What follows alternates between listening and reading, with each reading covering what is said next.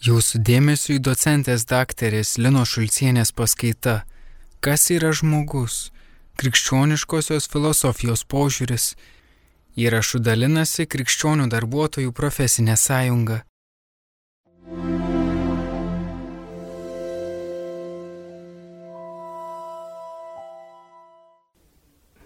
Klausimas, nuo kurio norėčiau pradėti šitą paskaitą, yra artimas tai būsenai, kuomet mes arba maldoje, kreipdamėsi į viešpatį, arba savęs pačių, jeigu nerandame gyvo santykio su Dievu, kai kokią egzistencinę klavietę pakliūvame, klausime, kaip man gyventi. Kas visame tame, kas su manim vyksta, kas manyje vyksta, yra svarbiausia. Ką aš čia darau šiame pasaulyje? Koks mano pašaukimas? Ar savo rogėse sėdžiu? Ar aš kaip žmogus, kadaise atėjęs į šį pasaulį ir kadaise jį paliksantis, ar aš, turėdama šitą vienintelį savo gyvenimą, turiu kažką padaryti? Galbūt aš turiu kažką suprasti. Ką? Visi šie klausimai, kurie kyla vieniems rečiau, kitiems dažniau, jie visi susiveda į vieną klausimą. Kas aš esu? Arba kas yra žmogus? Praktiškai klausimas, kas yra žmogus arba kas aš esu ir klausimas, kaip man gyventi, yra klausimai dviniai. Tai yra tas pats. Nes jeigu aš nežinau, kas aš esu, aš ir nežinau, kaip man gyventi. O klausimas, kas yra žmogus arba kas aš esu, tradiciškai yra filosofinės antropologijos klausimas. Vadinasi, jeigu man jis kyla, aš turėčiau kreiptis į ją. Bet tikriausiai nenustebinsiu, jei pasakysiu, kad nors filosofinė antropologija jau ilgus šimtmečius ieško atsakymų šitą klausimą ir priejo tam tikrų atsakymų, šitie atsakymai, kaip ir visi filosofijos atsakymai nėra ir negali būti laikomi galutiniais. Kodėl? Na, pirmiausia, matome, kad jie yra labai skirtingi. Antra, matome, kad amžiai bėga, žmogus mėgina atsakyti šitą klausimą ir galiausiai tarsi prie suskilusios geldos vėl esame ir vėl pradedame nuo pradžių ir vėl, kas aš esu, kaip man gyventi, ką aš turiu suprasti, ką aš turiu daryti. Kodėl taip yra? Tai siejasi su tuo, jog mes šiuo atveju pažįstame labai specifinį objektą. Objektą kabutėse. Pirmiausia, turime labai specifinę pažinimo situaciją, nes pažinimo subjektas ir pažinimo objektas tai yra tas, kas pažįsta ir tas, kas pažįstama yra tas pats save pamatyti nėra paprasta. Antras dalykas, šitas objektas, kabutėse, yra labai savitas, labai specifinis. Filosofijos istorijoje įprasta sakyti, kad žmogus yra slėpinys. Slėpinys. Šitas žodis nurodo labai savitą reiškinį. E, lietuvių kalbos žodynas kalba apie paslaptį ir kalba apie slėpinį ir ta perskyra jame yra nurodyta. Ir filosofijos istorijos, filosofinės terminijos požiūriu visai taikliai lietuvių kalbos žodynas nu, įvardyja paslaptį kaip tai, kas yra neaišku ir reikalauja ištyrimo ir tai, ką galima atskleisti, ką galima ištirti ir į ką atsakymą galima gauti. Slėpinio savoką įveda filosofija. Ir slėpinys yra taip pat tai, kas neaišku ir reikalauja ištyrimo, bet bėda ta, kad kai tu mėgini tai ištirti ir mėgini tai išsiaiškinti, atsakymo neturi. Tokio atsakymo, aiškaus, kai jau viskas yra atskleista ir viskas yra žinoma. Slėpinio neatskleisi. Jis niekada netampa atviras, aiškus. Tai kaip tada jį pažinti, juolab, kad žmogus yra slėpinys. Mėginsiu iš tą klausimą atsakyti. Pradžiai per aplinkui. Žmogus ilgus amžius mėgina tai padaryti. Pateikia atsakymus. Jų daug. Jie skirtingi. Ir šitas jau atsakymų daugis, ipso fakto, bent jau psichologiniu požiūriu yra tam tikras kliuvinys domėtis filosofija ir krikščioniška filosofija taip pat, nes jeigu atsakymų daug, vadinasi, atsakymo nėra.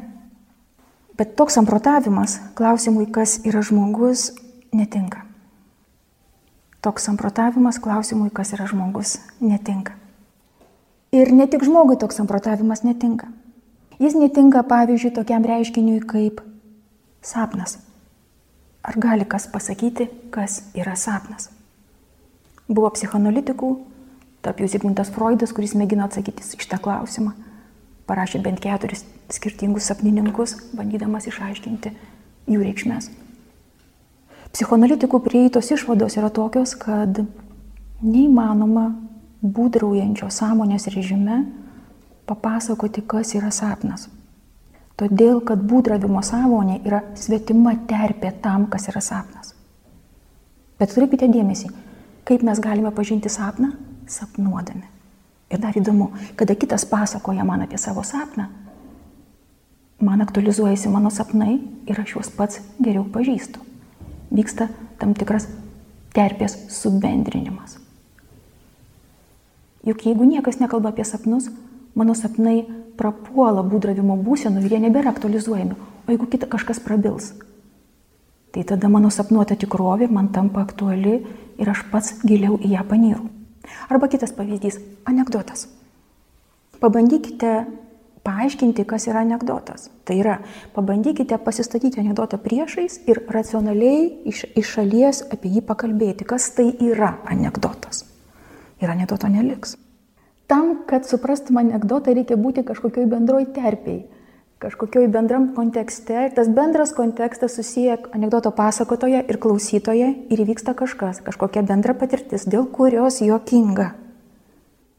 Kai tu pasakoji anegdotą, aš prisimenu savo anegdotus ir ta bendra terpė dar labiau tirštėja, dar labiau tankėja ir vyksta kažkas, kažkoks anegdoto pažinimas. Čia dėmesį. O svetima anegdotui terpė, racionalus žvilgsnis į ją. Na, paaiškink man dabar, čia, kur čia juokinga, kur čia yra juokas. Žmogus paaiškina ir visiškai nejuokinga. Ir anegdoto nebėra. Svetima dalykui terpė dalyką panaikina. Panašiai yra ne tik tai su sapnu ir anegdotu, pavyzdžiui, taip yra su skoniu, su taktu. Ar gali paaiškinti iš šalies, įvardinti, kas yra skonis ir kas yra geras skonis ir ką reiškia jį turėti. Arba ką reiškia būti taktišku žmogumi ir ką reiškia išugdyti taktą. Ir vienu ir kitu atveju taktiškas žmogus panardina šalia jo esantį žmogų į kažkokį gyvenimo režimą, kuris pats savyje subtiliai aptinka tam tikrus elgesio įpročius, atpažįsta juos ir pats ima dalyvauti taktiškame elgesyje. Taktiškas žmogus pamažu pratina tave prie kitokio režimo.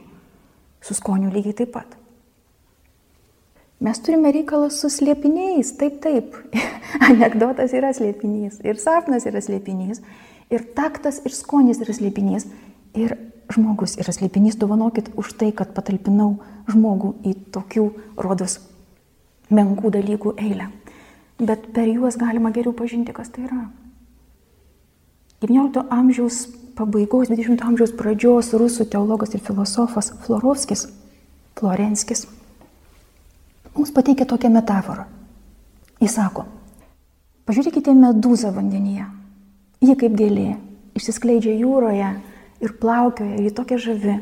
Ir saulės spinduliai vaivorykštinėmis spalvomis žėri jos kūne. Negali atsižiūrėti. O paimk ir ištrauk medūzą iš vandens, padėk ant akmens ir gausi ką? Gleivės. Tol, kol esi jos stichijoje, tol medūzą gali pažinti. Ištrauki ją iš jos stichijos ir ji tampa gleivėmis. Florenskis tęsė savo mintį. Jis sako, taip yra su sapnu, Taip yra su šypsena, taip yra su žmogumi. Mes negalime žmogų pažinti ne jo stichijoje, tarsi iš šalies. Ir jeigu mes ištraukiame žmogų iš jo stichijos, ir patalpiname ant akmens kaip tą meldūzą, jis virsta gleivėmis. Tai yra slėpinio pažinimo savitumas. Slėpinį reikia pažinti jo tikrovėje. Ir dabar mes pamažu artėjame prie atsakymo į klausimą, kaip reikia pažinti slėpinį, kaip reikia pažinti žmogų. Ir kodėl mes iki šiol neturime tokių atsakymų, kuriuos mums yra įpratęs pateikti gamtamokslis. Aiškių pasakymų, kas yra kas. Struktūrinių, aprašomųjų, išskleidžiančių visą dalykų padėtį, aiškiai prieš mūsų akis, kad dalykas yra visiškai suprantamas. Todėl, kad objektas yra savitas. Ir net objektu jį pavadinti yra šiek tiek jį, na, iškreipti jo esmę. Žmogų reikia pažinti jo stichijoje. Ir todėl neturėtų mūsų gazdinti tai, kad yra daug atsakymų į klausimą, kas yra žmogus. Kaip yra daug sapnų, kaip yra daug anegdotų, kaip yra takto ir skonio daug mokytojų, bet einame tal pačią linkmę. Lygiai taip pat yra daug atsakymų į klausimą, kas yra žmogus. Ir jų esmė nėra pasakyti, apibriežti žmogaus. Ir nėra aiškiai atskleisti, nežinomą dalyką padaryti aiškiu ir suprantamu. Atsakymų tų prasme yra štai ši. Patys filosofai dalyvauja šitame slėpinyje. Dalyvauja. Jie panyra į tą jūrą ir stebi tą gražią medūzą Ir jų patirtis yra tas tiltas, kad ir mes galėtumėm ją pamatyti. Trumpai tariant, skaitydami filosofų tekstus, mes panyrame į žmogaus tikrovę, nes jie patys ten yra panyrę. Ir jie mums palikę yra tiltus, kad mes per juos galime panirti į žmogaus liepinį. Mes negalime žmogaus išsemti, mes negalime jo pilnai perprasti, mes galime dėmesio jame dalyvauti. Pažinimo būdas kuris tinka žmogui, gamtamokslys netinka, yra pavadinimas žodžiu dalyvauti. Dalyvauti žmogaus lėpinyje. O dalyvauti tai kaip plaukioti jūroje. Santykis su jūra, ar tu gali pažinti visą jūrą, prieš kurią stovi? Negali, tu gali ją žiūrėti šalies, gali įbristi ją tik tai pėdas vandenį panardindamas, gali įeiti iki kelių, o gali nardyti jūroje pilno jūros išsėmimo nebus, bet bus dalyvavimo laipsnis vis didesnis. Autoriai, kurie mums kalba apie mūsų pačius, yra tie, kurie sako, kviečia mus dalyvauti žmogaus lėpinyje. Jie kalba apie paslaptis apie mus. Vieni mus įveda į žmogaus lėpinį iki kauliukų, iki čiurnos kauliukų, kiti iki kelių, kiti iki asmens, o kiti leidžia mums nardyti žmogaus slėpinyje. Slėpinio pažinimo specifika yra ypatinga. Ar mes galėtume, mes krikščionys, imti į rankas visus autorius, kurie kalba apie žmogaus slėpinį? Juk akivaizdžiai plika akimi matyti, kad nekrikščionių autorių atsakymai stipriai disonuoja su mūsų pamatinė laikysena, su mūsų pamatiniu apsisprendimu transcendentinės tikrovės atžvilgiu. Kaip čia yra? Žiūrint į antropologinės minties istoriją, matyti, kad tam tikrų laikų skirtingi tyrinėtojai nurodo skirtingą laikotarpį, prasideda tokia vadinamoji divergencija tarp krikščioniškosios minties ir tos autonomiškos proto linkmės, kuri remiasi tik tai protu, tik tai savo paties autoritetu ir nesiremia dieviškojo prieškimu.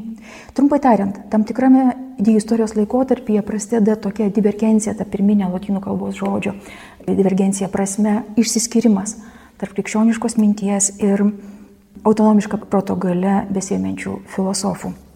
Autonomiški mąstytojai arba vien savo prigimtiniu protu besiremiantys filosofinių teorijų autoriai nukeliavo truputį kitą linkmę Jeigu pažvelgtume į dominuojančią šiandien filosofinės antropologijos tradiciją, sužinosime, jog apie žmogų kalbėti ir tokį klausimą kelti, kokį mes keliame savo paskaitoje, yra netgi nelegalu. 1966 metais įvyko toks simptominis reiškinys, postmodernizmo garsus filosofas Mišelis Fuko paskelbė, kad žmogus mirė. O 1991 metais prancūzų filosofas Žanas Liukas Nensis išleido straipsnių rinkinį pavadinta Kas ateina po subjekto. Savo straipsnėje Nensis klausia, ką reiškia būti žmogumi. Ir atsako, tai reiškia neturėti jokios esmės. Nėra tokios žmogaus esmės, pagal kurią galima būtų nustatyti, kaip šis žmogus turėtų gyventi, kokias jis turėtų turėti teisės, politiką, etiką, nes mums tokia esmė iš tiesų tiesiog išnyko. Paradoksalus dalykas, šiandien filosofinė antropologija išgyvena tą nekrikščionišką arba pasaulietinę antropologiją, kaip ją pavadinti, net nežinau.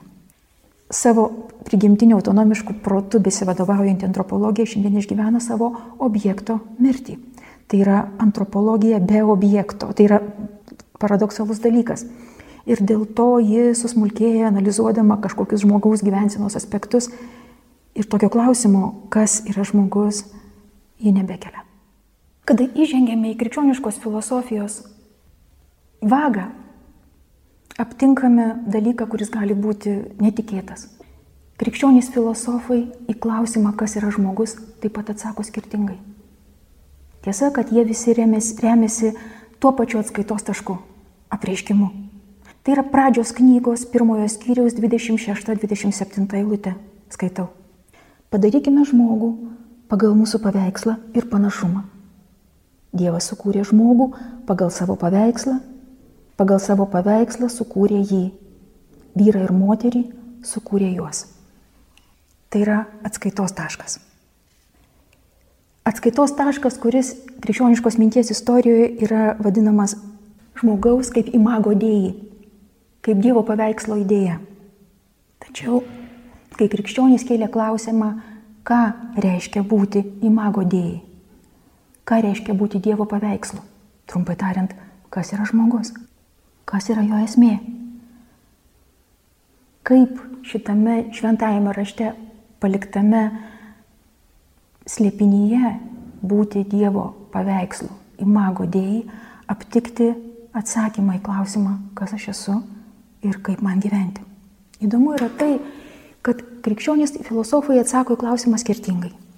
Na pavyzdžiui, Aleksandrijos tėvai arba Kapadokijos tėvai na tarkim, Klemensas Aleksandrietis arba Grigalius Nisėtis, jie žmogaus kaip Dievo paveikslo esmę mato jo laisvės galioje. Laisvės galioje.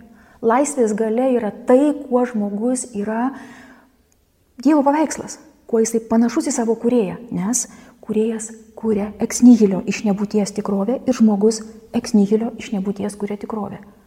Bet čia reikėtų padaryti pastabą kad laisvės savoka ir Grigaliaus Nisiečio, ir Klemeso Aleksandriečio veikale yra laisvė nuo nuodėmės ir nuo įdos. Garsusis Aleksandrijos mokytojas Origenas kalba, kad tikrai laisvų būti tai turėti Dievo vaikų šventumą. Vadinasi, laisvės savoka suprantama savitai. Arba dar, pavyzdžiui, Irenėjus, garsusis apologetas Irenėjus.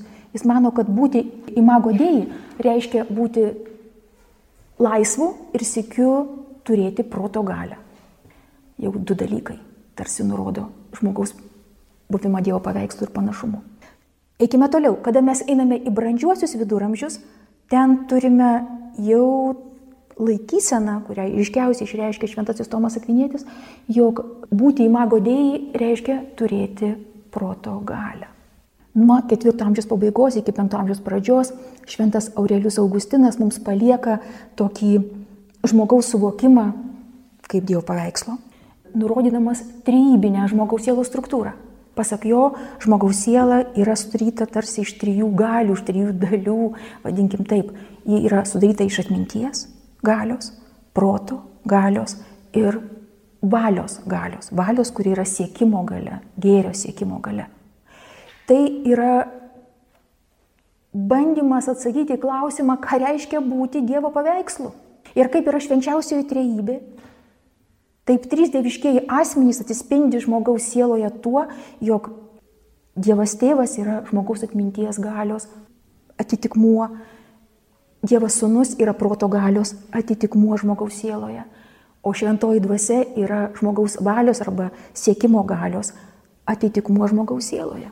900 metų šita laikysena yra dominuojanti vakarų kultūroje. 13 amžius mums atneša naujus atsakymus. Jeigu senąjį atsakymą savo vienuolynuose vis dar puoselėje ir saugo, turiu galvoje augustiniškai pranciškonai, tai nuo 13 amžiaus domininkonai su savo didžiuoju mokytoju Tomo Akviniečiu turi visai, nu, ne visai, turi kitokią žmogaus sielos sampratą. Žmogaus siela yra dviejų galių - proto ir valios koreliatas.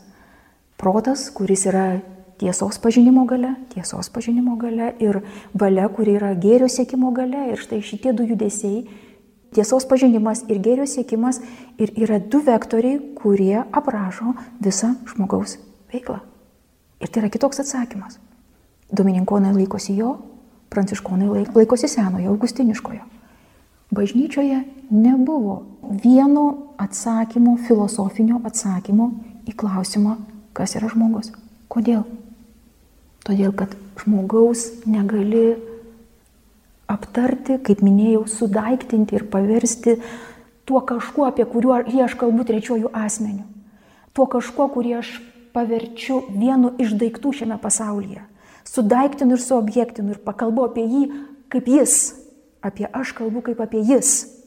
Ir šita laikysena nėra leistina, kalbant apie žmogiškąją tikrovę. Ir Tomo Akviniečio, ir Švento Aureliaus Augustino, ir vėliau jo pranciškonų vienolyjos generolo Banaventūros, Jono Dunso Škoto, ir, ir domininkoniški, ir pranciškoniški atsakymai yra būdas dalyvauti žmogaus lėpinyje ir mes drąsiai galime žengti tais tiltais, kuriuos nutiesė ir vieni ir kiti. Ir vieni ir kiti panardina mus į tą stichiją, kuri vadinama žmogumi. Ir atgaivina mumise patirtį, iš kurios ir plaukia mūsų individualūs saviti atsakymai klausimą, kas yra žmogus. Idėjų istorija eina toliau ir mes turime krikščioniškus atsakymus, kurie mus pasiekė jau XIX amžiaus pabaigoje, sakykime, XX amžiaus pradžioje. Jie vadinami personalistinės arba krikščioniškos egzistencinės filosofijos vardu. Čia įvyksta didelis lūžis. Evoliucija iš tikrųjų yra. Atsakymai keičia vieni kitus. Ir galima sakyti, kad vyksta tam tikras gilimanimas žmogaus liepinio. Personalizmas mums atneša tokią naujovę. Pavyzdžiui, įprasta ir nuo antikos laikų dominuojanti perskira, kad žmogus yra kūno ir sielos darinys, ima tirpti ir nykti 20 amžiaus pradžioje. Ja pakeičia visai kita ir krikščionių autorių tekstuose taip pat. Sielos ir kūno perskyra niekur nedingsta, ne, bet ji tarsi nueina į antrą planą. Ja pakeičia kita. Pavyzdžiui, bet formuluojama skirtingai. Pavyzdžiui, perskyra, kurią formuluoja na, didelė dalis krikščionių personalistų, perskyra tarp asmens ir individo. Ta pačia perskira, tik kitokiais terminais formuluoja Erichas Fromas knygoje Turėti ar būti. Jis kalba apie du egzistencinius režimus - apie turėjimo režimą ir apie buvimo režimą. Ta pačia perskira formuluoja judaistiniai tradicijai beje priskiriamas Martinas Buberis, kuris kalba apie režimą aš tu ir režimą aš tai. Ta pačia perskira formuluoja toks 20-ojo amžiaus mąstytojas vokietis Ernestas Helau, kuris kalba apie žmogaus gyvenime esančius du režimus - genijaus ir vidutinybės režimą. Tas pats Buberis kalba apie buvimo ir atrodymo režimą. Savokos kitos, bet visur kalbama apie tą patį. Krikščioniškas personalizmas arba kitų vadinamas krikščioniškas egzistencializmas mums siūlo į save žiūrėti ne kaip į kūno ir sielos darinius svarbiausius tas požiūris, bet kaip į du egzistencinius režimus galinčias gyventi būtybės. Mes galime gyventi kaip turėtojai, tai perinu prie Ericho Fromo terminijos, kaip tie, kurie pamato gėlę ir nori ją nuskinti ir parsinešti savo namo, kaip tie, kurie klauso paskaitos ir stengiasi viską užsirašyti, kad galėtų atsiskaityti per egzaminą ir gauti gerą pažymį, kaip tie, kurie pamilsta žmogų, susitokia su juo ir padaro jį savo nusavybę ir nori jį kontroliuoti, arba kaip būti tie, kurie vadinamieji egzistencinio režimo žmonės, kurie geba žiūrėti tą pačią gėlę ir grožėtis ją, jos nepasisavindami ir neparsineždami namo. Kurie gali būti paskaitoje, pamiršę, ar pavyks užsirašyti visą informaciją ir paskui atsiskaityti per egzaminą, o kaip laisvi kūrėjai klauso viso, ką girdi ir dalyvauja tame, ką girdi ir plaukia toje srovėje, kūrybinėje srovėje, kurią jiems dabar šita būties akimirka dovanoja. Jie randa žmogų, kuriame išgirsta savo egzistencinį atsaką ir nesisavina jo, o sako jam visą savo būtimi, tu būk, tu būk, net jeigu aš nebūsiu, tu būk. Ir Erikas Fromas kalba apie du egzistencinius režimus - turėjimo ir buvimo.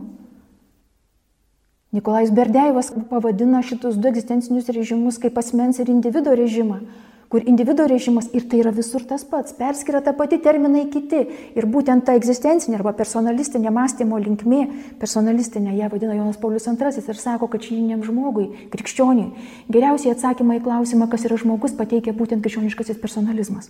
Tai sekdami juo truputėlį apie tai pakalbėkim. Nikolajus Berdėjevas tuos du egzistencinius režimus pavadindamas asmens ir individuo vardu, vardais, pavadinimais, egzistencinį individuo režimą vadina tuo, kuomet esu kaip individas, na, kaip bitutė avily, kaip skrusdės skrusdėlinė. Ir skrusdė skrusdėlinė, ir bitutėje avily, ir žmogui tarp žmonių yra būdinga viena savybė, kuri būdinga visiems individams. Na, esu panašus į kitus, ne? Bet svarbiausia savybė ne ši.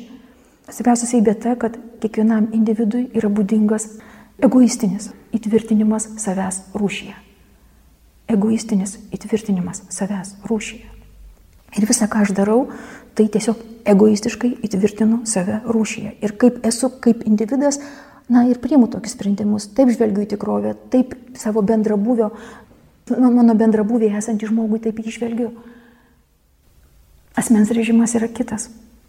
Asmens režimas yra tas, kuriame aidi transcendentinė dimensija. Asmens režimas leidžia mylėti, o nesisavinti. Asmens režimas leidžia save dovanoti. Asmens režimas iš tikrųjų moko dovanoti, nes Individas dovanoti nemoka. Individas sako, man padovanojo už 20 eurų dovaną ir aš už tiek turiu padovanoti. Atleiskit už šitą pokštą. Mes bėgam gazelės greičiu per krikščioniškos minties istoriją. Atsakymų krikščionių filosofai pateikia įvairių. Tegul nesutrikdo jūsų atsakymų skirtingumas. Prisiminkite medūzos metaforą ir prisiminkite tą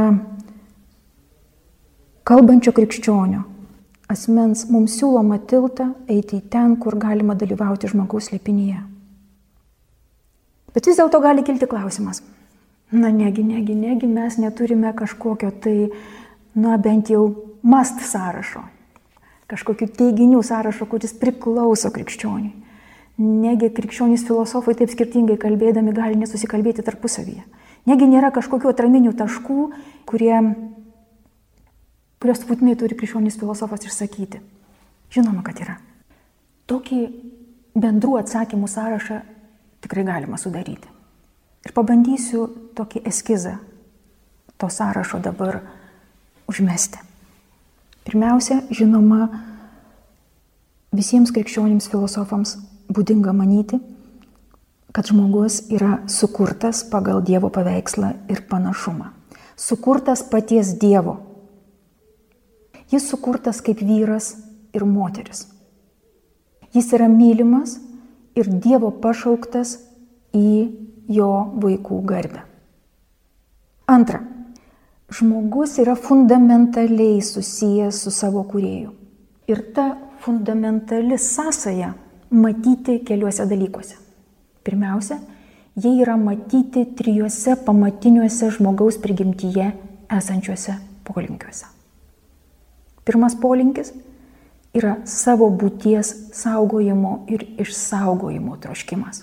Jis paprastai vadinamas savisaugos instinktu. Antras polinkis yra buvimo su kitu ir su kitais poreikis, troškimas. Jis paprastai vadinamas socialiniu instinktu. Galiausiai trečiasis polinkis yra polinkis pažinti. Tai yra pažinimo instinktu vadinamas polinkis. Bet jeigu akcentuosime ir atkreipsime dėmesį, kad šitie polinkiai kyla iš fundamentalios sąsojos su Dievu, jie iš esmės visi trys yra polinkiai, troškimai, judesiai į Dievą. Pirmasis, vadinamasis savisaugos instinktas, nes pilniausiai yra išpildomas, kai žmogus ieško Dievo ir jo valios, kai visą savo prigimtį nukreipia į buvimą su juo. Ir todėl negali sakyti, kad savisaugos instinktu vadovaujasi žmogus, kuris tiesiog menka dvasiškai įsikibęs į savo būtį ir nori ją išsaugoti, siekdamas kažkokių materialinių gerybių, šiapusinio pasaulio patogumo ir panašiai, bandydamas, išvengti nepatogių, rizikingų, tiesą apreikšti reikalaujančių situacijų, iš tikrųjų tas žmogus nesaugo pats savęs, nes galutinis išsaugojimas savęs yra išsaugojimas savo santykėje su Dievu ir jo valios vykdyme. Socialinis vadinamasis instinktas pilniausiai išpildomas, kai žmogus ieško ir kuria egzistencinį ryšį su kitu ir su kitais žmonėmis, kurie tie egzistenciniai ryšiai galiausiai yra santykio, giluminio santykio su Dievu įgyvendinimas. Ir pažintinis instinktas, apie kurį kalbėjau, yra pilniausiai gyvendinamas, kai žmogus siekia pažinti tiesą. Apie tai dar pakalbėsim. Kitas dalykas kuris siejasi su fundamentaliu sąsaja su Dievu, dėl jos asmuo yra vienintelis toks. Bet sikiu, jis yra lygus kitiems. Kaip asmuo. Dėmesio šitas teiginys gali šiek tiek klaidinti. Šiandien dažnai tenka išgirsti pasakymą, kad mes visi esame lygus. Ir kas tu toks, kad man aiškintum. Aš esu lygus tau. Prieš mane stovi popiežius, mes esame tokie patys žmonės. Abu du esame Dievo vaikai. Prieš mane stovi prezidentas, mes esame lygų žmonės, mes esame tokie pat laisvi žmonės ir galime, galiu laikyti jį lygiai tokiu pačiu kaip aš. Tai ir teisingas, ir klaidingas teiginys. Krikščioniškoje filosofijoje niekada nebuvo tokios lygiavos. Niekada. Mūsų asmenų lygumas Dievo akivaizdoje nelėmė mūsų socialinės lygybės leidžiu savo atkreipti dėmesį, nors esu filosofė, į santyki tarp dieviškųjų asmenų.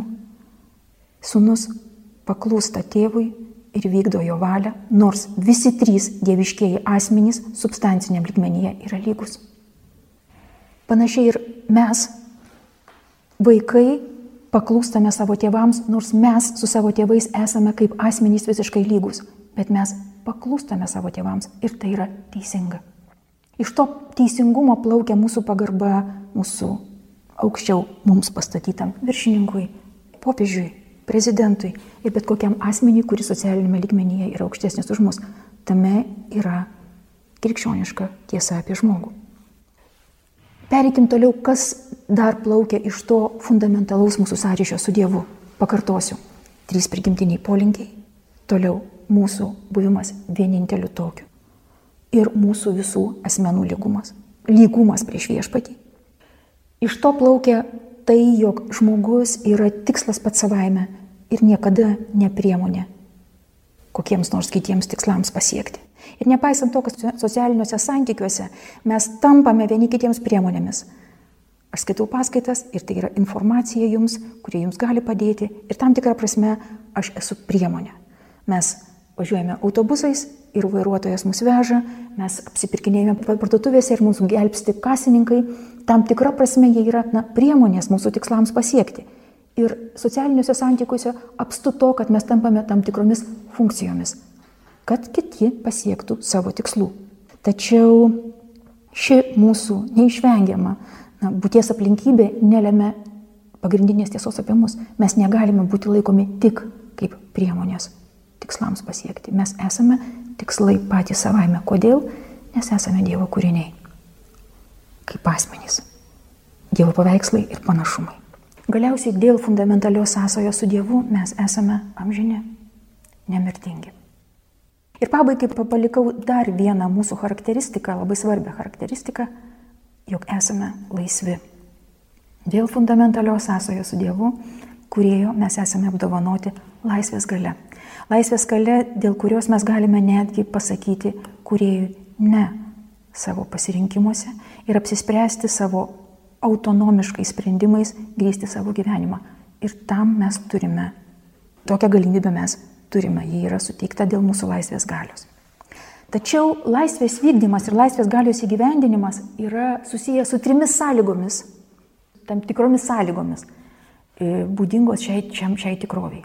Labai svarbu, įdomu atkreipti dėmesį, kad vakarų kultūroje yra susiformavusi tam tikra kanoninė sąsaja tarp trijų idėjų - būties, tiesos ir gėrio.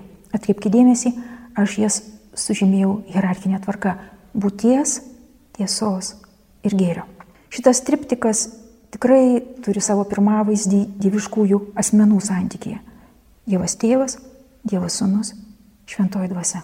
Nepaisant jų prigimčių lygumo, dieviškųjų asmenų prigimčių lygumo, mes galime kalbėti apie tam tikrą, na, subordinaciją. Subordinaciją, kuri įgyvendiname procese, veikime. Pereikime prie tų trijų idėjų, kurias prieš tai pasakiau. Prie būties, tiesos ir gėrio. Kas turime galvoje? Šitomis kategorijomis bandysiu nusakyti tam tikrą žmogiškos tikrovės vietą.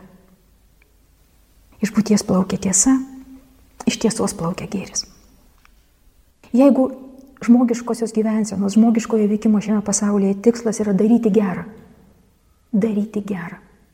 Tu tą gerą gali daryti tik tada, tada ir tik tada, jeigu pažįsti tiesą.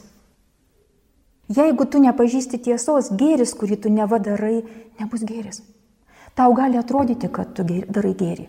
Beje, žmogaus sielos sąranga tokia ir yra, kad valia, kuri visada siekia gėrio, mūsų valia visada siekia gėrio. Ji tą gėrį įgyvendina pagal proto rodomą ekraną. Ką protas rodo, kas yra tiesa į tą tiesą, lygi gėrį, jo siekdama ir eina valia. Valia yra tam tikra prasme panašiai į aklą kačiuką. Ką įrodo protas, ten ir eina. Jos savitumas, jos materija yra, jos esmė yra siekti gėrio. Kokio gėrio? Tokį, kurį įrodo protas. O kad protas valiai parodytų gėrį, jis jį turi žinoti. Jis turi žinoti tiesą. Taigi žmogus kartais daro gėrį, aš turiu galvoje tą trečiąjį lygmenį Bet tai nėra gėris. Tam tikrą prasme žmogus ir žmogžudystėje dalyvaudamas, jis mano, kad daro gėrį, kitaip nedarytų. Kur problema? Tiesos pažinime. Jo tiesos pažinimo stygiuje. Bet atkreipkite dėmesį, jeigu mes kalbam apie tiesos pažinimą, apie tą antrą lygmenį, sakiau apie pirmąjį - būti. Tiesos pažinimas yra įmanomas tik tada, kai žmogus savo protu žvelgia į būti, į tikrovę, kokia jinai yra. Ir tik tada, kai matai, kokia tikrovė yra, gali dalyvauti dėmesio, nepažinti, nesuformuluoti, nepasakyti, dalyvauti tiesoje ir tada daryti gėrį. Būtis mūsų protui neatsiveria aiškiai ir ryškiai. Ji, tikrai pripažinkim, yra miglota. Mes turime pažadą šventajame rašte, kad migla nukris nuo akių ir visą aiškiai pamatysime, kokia tikrovė yra tik tai palaimintajame viešpaties regėjime. Tai ar dabar aš turiu galimybę, turiu galę pažinti tikrovę, kokia jinai yra, žinoti tiesą ir daryti tą gėrį, kurį turiu daryti? Ar yra tokia galimybė? Atsakymas krikščioniškos filosofijos. Mes galime dalyvauti tame pažinime daugiau ar mažiau. Pažinti tiesą galime daugiau ar mažiau. Nuo to antro ligmens viskas ir priklauso. Kiek esame atviri būčiai, kokia jinai yra. Kaip būti atvirai būčiai. Krikščioniškos minties tradicija yra ši. Nuo to, kiek kokio tyrumo esi įrankis, nuo to priklauso, kaip tu matysi tikrovę. Purvinomis rankomis apterliotas akinių stiklas neleidžia aiškiai matyti įdomis nuodėmėmis ir, ir netikusių gyvenimo, netvarkingų gyvenimo būdų apterliotas gyvenimas, apterliota prigimtis neleidžia matyti tikrovės, kokia jinai yra. Tas pats, kas užsidėtum matinius stiklus ir vairuotum atmintinai, kaip išeina. Krikščioniškos minties tradicija sako, nori daugiau dalyvauti, pažindamas būti, nori turėti daugiau tiesos, išskaistink savo prigimtį nutyrink ją. Mes turime laisvę, laisvė mums duota Dievo dovana, bet mes veikiame toje laisvėje va šitomis sąlygomis, šito triptiko sąlygomis, pažindami būti arba tikrovę, kokia jinai yra. Daugiau ar mažiau. Geriau daugiau. Bet tada, kad pažintumėm ir matytumėm tiesą, turime skaisinti save, tyrinti, kad matytume, išsivalyti akinius, kad matytų, važiuotumėm tiesiai. Ir tada darysime gerus darbus. Krikščioniškos minties tradicija yra nuostabi jūra, kurioje galima braidžiot arba nardyt. Ir kurioje galima subendrinant savo vidinę giluminę patirtį, kurią turime, ypač egzistenciniuose išgyvenimuose arba giliame ir giliame santykėje su Dievu, galime pasotinti ir pripildyti troškimą pažinti tiesą ir apie save taip pat, leisdamėsi į draugystę su krikščionimis filosofais, autoriais, kurie savo dovanas mums paliko.